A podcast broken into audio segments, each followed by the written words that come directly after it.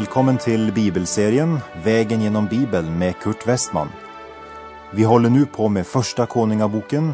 Slå gärna upp din bibel och följ med. Programmet är producerat av Norea Radio.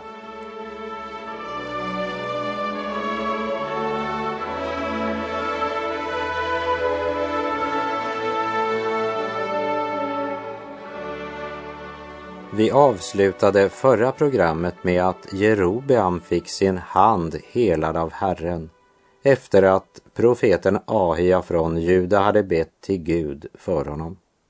Men helbrägdagörelse leder inte alltid till omvändelse. Jerobeam blev visserligen vidrörd av Gud, men för Jerobeams del nådde Gud aldrig längre än till armen. Hans hjärta var oförändrat. Jerobeam vände inte om från sin onda väg utan fortsatte att göra allehanda män ur folket till offerhöjdspräster. Och när vi nu kommer till Första Kungabok kapitel 14 har det för Jerobeams del kommit till den punkt i livet då han ska skörda det han har sått. För som skriften säger i Galaterbrevet 6, vers 7. Det en människa sår måste hon också skörda. Kapitel 14 börjar med att Jerobeam sänder sin hustru till profeten Ahia för att få svar när deras son är sjuk. Jerobeam var en person som var mera upptagen av hur en sak såg ut än hur det verkligen förhöll sig. Och därför ska du lägga märke till två sättningar i de första verserna. Och det är orden förklä dig och även så att ingen kan märka. Förklä dig. Ljusets väg är att bekänna och vända om. Mörkrets väg är att dölja och gömma sig bakom en fasad, att eh, förklä sig på olika sätt. Så att ingen kan märka, sa Jerobeam. Fasaden kan lura den stora massan. Fasaden kan till och med lura våra vänner och kollegor. Vi kan också faktiskt bedra oss själva som Jerobeam. För eh, även om fasaden är fin när man står framför spegeln så är den fullständigt värdelös när man står inför Gud. Men Jerobeam var så förblindad av synden att han trodde att ingen skulle märka något. För eh, klä dig så att eh, ingen kan märka. Vi läser i Första Kungabok 14, vers 1 och 2. Vid den tiden blev Abia, Jerobeams son, sjuk. Då sade Jerobeam till sin hustru, stig upp och förklä dig så att ingen kan märka att du är Jerobeams hustru. Och gå till Silo, ty där bor profeten Ahia, han som förkunnade om mig att jag skulle bli kung över detta folk. Och ta med dig tio bröd, dessutom smått bakverk och en kruka honung och gå in till honom. Han ska då förkunna för dig hur det ska gå med gossen. Det är så kännetecknande för kung Jerobeam att han bara söker Herrens profet när han är i nöd. Han som hade satt upp guldkalvar både i Betel och i Dan och som hade sagt till hela sitt folk, se här är din Gud som förde dig upp från Egyptens land. Om det var sant, varför gick han då inte till guldkalvarna i sin nöd? Men han vet att ett verkligt svar är det endast Herrens profet som kan ge. Och han har två orsaker till förklädnaden. För det första, om folket fått veta att han sökt Herrens profet så mister de ju tron på guldkalvarna som han påstått vara den Gud som fört Israel ur Egypten. Tänk om folk får höra att han nu söker hjälp hos den profet som han tidigare förkastat. Det kan vara farligt. Och det andra. Herrens profet hade klart uttalat domen över Jerobeams avgudsaltare. Men Jerobeam hade ändå fortsatt med avgudsdyrkan. Därför så vill profeten knappast hjälpa honom. Men, tänker han, om han sänder sin hustru förklädd så att profeten inte märker vem det är som kommer, då ger han säkert ett positivt budskap. Vi läser vers 4 och 5. Jerobeams hustru gjorde så. Hon steg upp och gick till Silo och kom till Ahias hus. Och Ahia kunde inte se, ty hans ögon var starrblinda av ålderdom. Men Herren hade sagt till Ahia, just nu kommer Jerobeams hustru för att höra sig för hos dig om sin son ty han är sjuk. Så och så ska du säga till henne. Men när hon kommer ska hon ställa sig främmande. Stackars Jerobeam, den religiösa fasadarbetaren som inte bara bedrog tio av Israels tolv stammar, men han bedrog sig själv. För det första rent kroppsligt så var profeten så svagsynt att förklädnaden faktiskt var helt bortkastad. Han var starrblind av ålderdom. För det andra så var det inte den rent kroppsliga synen som var viktig nu. För här handlade det om andliga ögon. Men det förstod inte Jerobeam. Fasaden är inte längre poänget.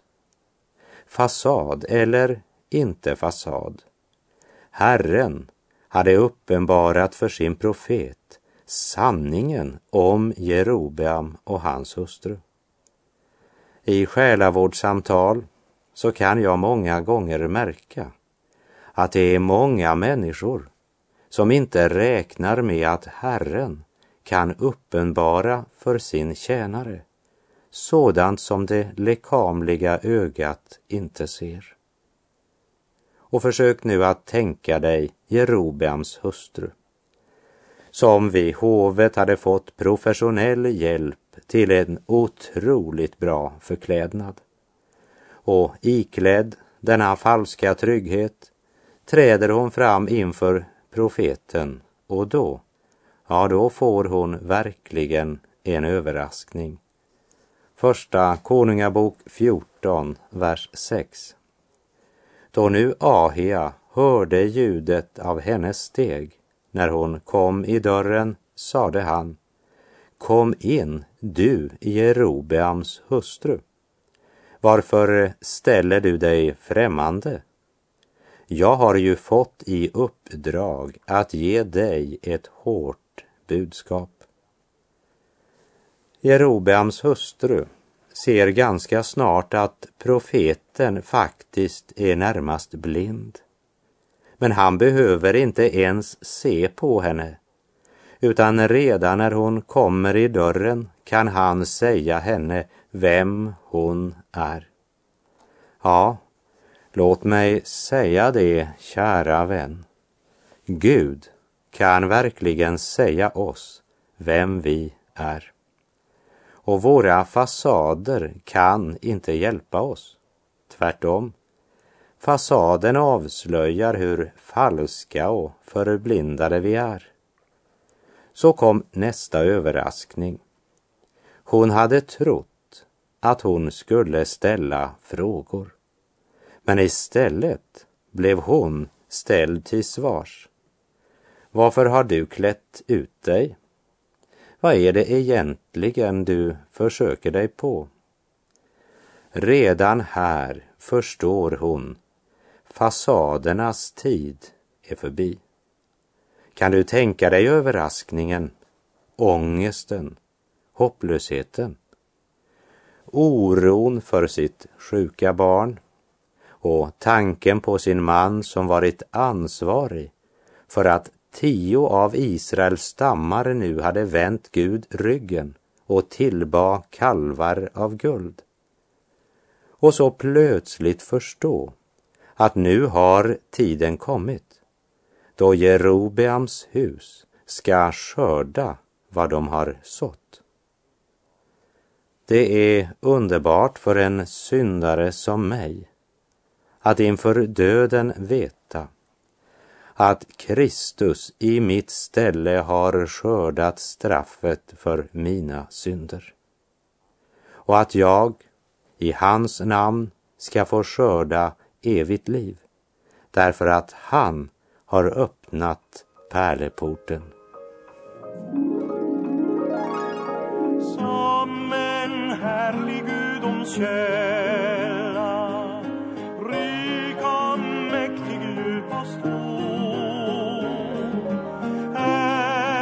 kärlek, nåd och sanning som i Jesu hjärta bor. Han har öppnat pärleporten så att jag kan komma in. Genom blodet har han frälst mig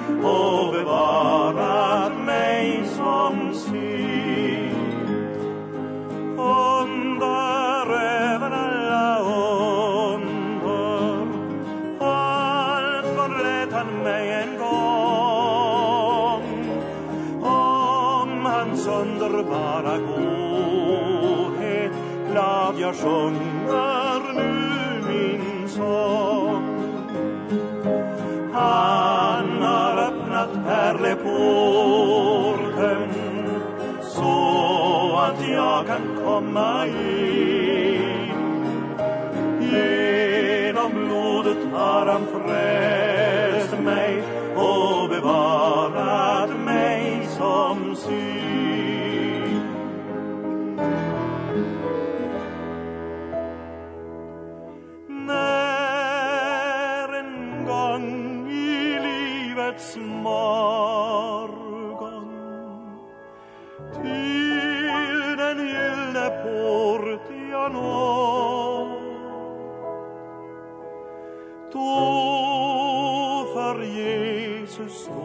Kärlek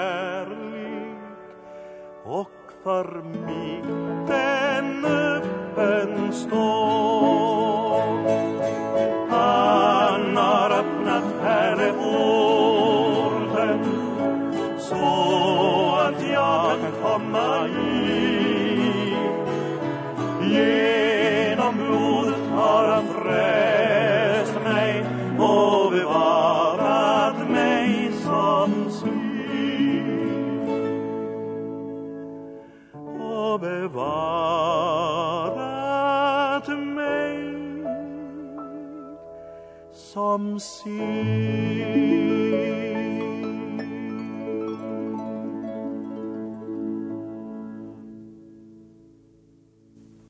Jerobeams hustru, som är utklädd men genomskådad, står inför Herrens profet, får nu från profetens mun höra följande.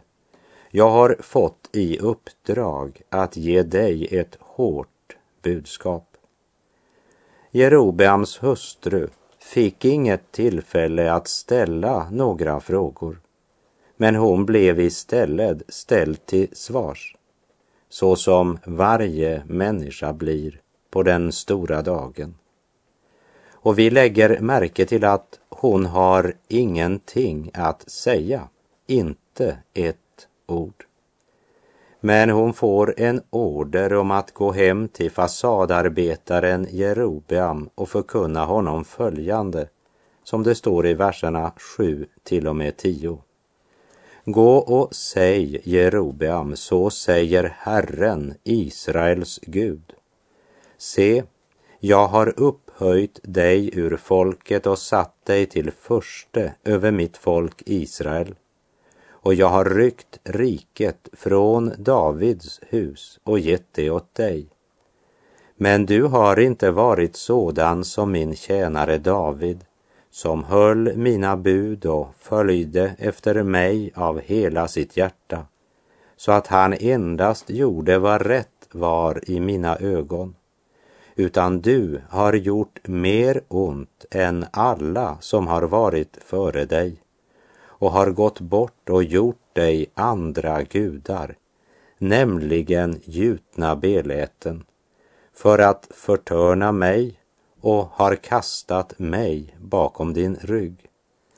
Därför ska jag låta olycka komma över Jerobeams hus och utrota allt mankön av Jerobeams hus, både små och stora i Israel. Och jag ska sopa bort Jerobeams hus så som man sopar bort orenlighet tills det blir ett slut på det. Du har inte varit sådan som min tjänare David, säger Herren. Än en gång ser vi att det är David som var normen, måttstocken före den som skulle vara kung i Israel. Och Jerobeam höll inte måttet. Han bedrev själv avgudstillbedjan och han förledde sitt folk att tillbe kalvar av guld och leva i synd. Vers 12 och 13. Så ge dig nu iväg och gå hem igen. När din fot träder in i staden skall barnet dö och hela Israel ska hålla dödsklagan över honom och man skall begrava honom. Ty av Jerobeams hus ska endast han komma i en grav. Därför att i Jerobeams hus hos honom ändå blev funnet något som var gott inför Herren, Israels Gud. Gud har sagt att han ska utrota allt mankön i Jerobeams hus. Det handlar inte bara om död, men om att förkastas av Gud. En fruktansvärd familjetragedi. Men innan denna tragedi inträffar så kallar Herren hem Jerobeams son innan det sker så att han skonas från sorgen att uppleva allt detta. För denne son var den ende i Jerobeams hus som hade någon liten gnista av sann fromhet och gudstyrkan. Därför vill också Herren ge honom en grav, det vill säga, han ska vila i frid. Men Jerobeam måste skörda vad han har sått. Tänk vilket fruktansvärt ansvar som vilar på Jerobeam. Och Herren uttalar nu domen. Israel döms inte för de synder som Jerobeam har gjort, men för att de också syndade genom att följa i Jerobeams spår och därmed vända Gud ryggen. Jerobeam döms för sina synder de tio stammarna för sina synder. Och profeten låter Jerobeams hustru få veta vad Gud har bestämt sig för att göra, vers 16. Och han skall prisge Israel för de synders skull som Jerobeam har begått och genom vilka han har kommit Israel att synda. Audiensen är över den blev ganska annorlunda än vad hon hade tänkt och annorlunda mot vad Jerobeam planlagt. Hon har inget att säga. Paret Jerobeam är avslöjade Fasaden har fallit. Nu har hon inget val. De hade förkastat Gud. Och nu måste hon gå hem och berätta för Jerobeam, vi har bedragit oss själva. Vi är genomskådade av Gud. Vers 17. Då reste sig Jerobeams hustru och gick sin väg och kom till Tirsa. Och just som hon beträdde husets tröskel gav gossen upp andan. Hur tror du det kändes att gå de tunga stegen hem till palatset? När hon vet att i det ögonblick jag sätter foten innanför dörren i hemmet så dör mitt kära barn. Guldkalvarna var förgängliga. Maktpositionen var förgänglig. Palatset, festerna, dekorationerna, hyllningarna var förgängligt. Och det var det vi satsade livet på. 22 år av ära, makt och glittrande fasader. Men tänk på din själ som så fattig ska vandra på den eviga stig. När stoftet försvinner i graven är glädjen i världen förbi. Vad gagnar din jordiska rikedom och skatt när själen går in i den eviga natt? Vi läser i Första Kungabok 14, vers 19 till 20. Vad nu mer är att säga om Jerobeam om hans krig och om hans regering. Det finns upptecknat i Israels kungars krönika. Den tid Jerobeam regerade var 22 år. Så gick han till vila hos sina fäder och hans son Nadab blev kung efter honom.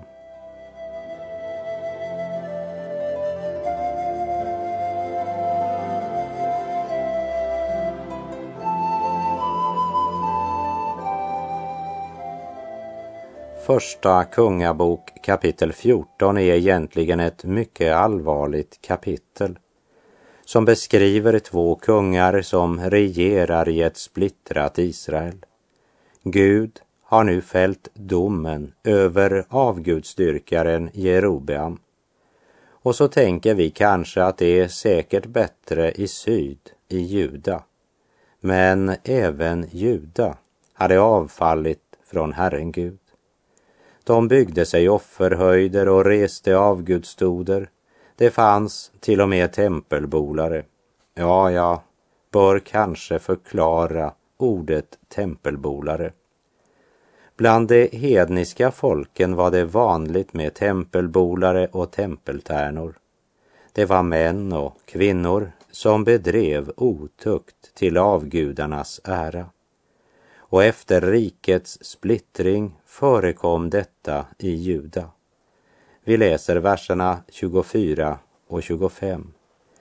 Men i kung Rehabeams femte regeringsår drog Sisak, kungen i Egypten, upp mot Jerusalem och han tog skatterna i Herrens hus och skatterna i kungshuset allt sammans tog han. Han tog också alla de gyllene sköldar som Salomo hade låtit göra. I deras ställe lät kung Rehabeam göra sköldar av koppar och dessa lämnade han i förvar åt hövitsmännen för drabanterna som höll vakt vid ingången till kungshuset. När ett folk väljer syndens liv framför livet i Gud så dröjer det inte länge förrän skatterna i Herrens hus också blir borta. Det ser vi idag. Hur har det gått med skatten i Herrens hus? Därefter blev också skatten i kungshuset borta. Allt sammans plundrades av Egyptens kung Sisak. Så även Rehabeam vandrade efter sitt eget hjärtas råd och folket avföll till avgudsdyrkan och omoral. Men det mest skrämmande är att mitt i allt det här gick kung Rehabeam också i templet som vi ser av vers 28. Och så ofta kungen gick till Herrens hus, står det. Vi läser vers 30 och 31. Men Rehabeam och Jerobeam låg i krig med varandra så länge de levde. Och Rehabeam gick till vila hos sina fäder och blev begravd hos sina fäder i Davids stad. Därmed är både Jerobeam och Rehabeam döda. Offerhöjder, omoral och Herrens tempel i en skrämmande blandning. Ett splittrat Israel. Avgudstyrkan, omoral, religiös aktivitet, inbördeskrig, skatten i Herrens hus bortrövad. I Saltaren 90, vers 12 säger salmisten Lär oss betänka hur få våra dagar är för att vi må få visa hjärtan. Och andra Korinthierbrevet 4 säger att det synliga är förgängligt men det osynliga är evigt. Allt som kungarna Jerobeam och Rehabeam byggde sina liv på, det var förgängligt. De jäckade Gud och bedrog sig själva. Må vi få nåd att komma ihåg att Guds ord står fast när allting annat faller, så vi inte fångas av det oförgängliga. Och helt till sist i programmet vill jag läsa bara ett av de många brev vi mottagit som respons på våra bibelprogram till andra land. Den här unga pojken på 16 år skriver från Iran. Jag visste väldigt lite om Kristus innan jag började lyssna till era program. Och det viktigaste jag har lärt av programmen är hur stor kärlek Gud har till människorna. Jag har förstått att Jesus har goda nyheter till människor som lider eftersom han gav sitt liv för människorna. Inte ens Satan klarade hindra honom eller skrämma honom. Jag har också två systrar som älskar programmet och lyssnar regelbundet. Jag försöker också berätta om programmet till mina vänner. Du ska veta att vi tar en väldig risk genom att skriva detta brev för att berätta detta för er, att vi är sju personer mellan 12 och 16 år som skriver för att tacka er för programmen. Var snäll och sänd oss litteratur som kan hjälpa oss och lära mera och växa i tron på Kristus. Ja, så skriver en ung lyssnare efter att ha lyssnat till vårt bibelprogram på farsi som sänds till Iran. Kära vän som lyssnar till mig och vandrar vägen genom Bibeln. Var med och bed för våra lyssnare till bibelprogrammen i Iran. Bibelprogrammen till Kina, Indien och Egypten och andra länder. Och tacka Gud för den enorma respons vi upplever på våra olika radioprogram som sänds på mer än 25 språk över hela världen. Herren vare med dig Må hans välsignelse vila över dig. Gud är god.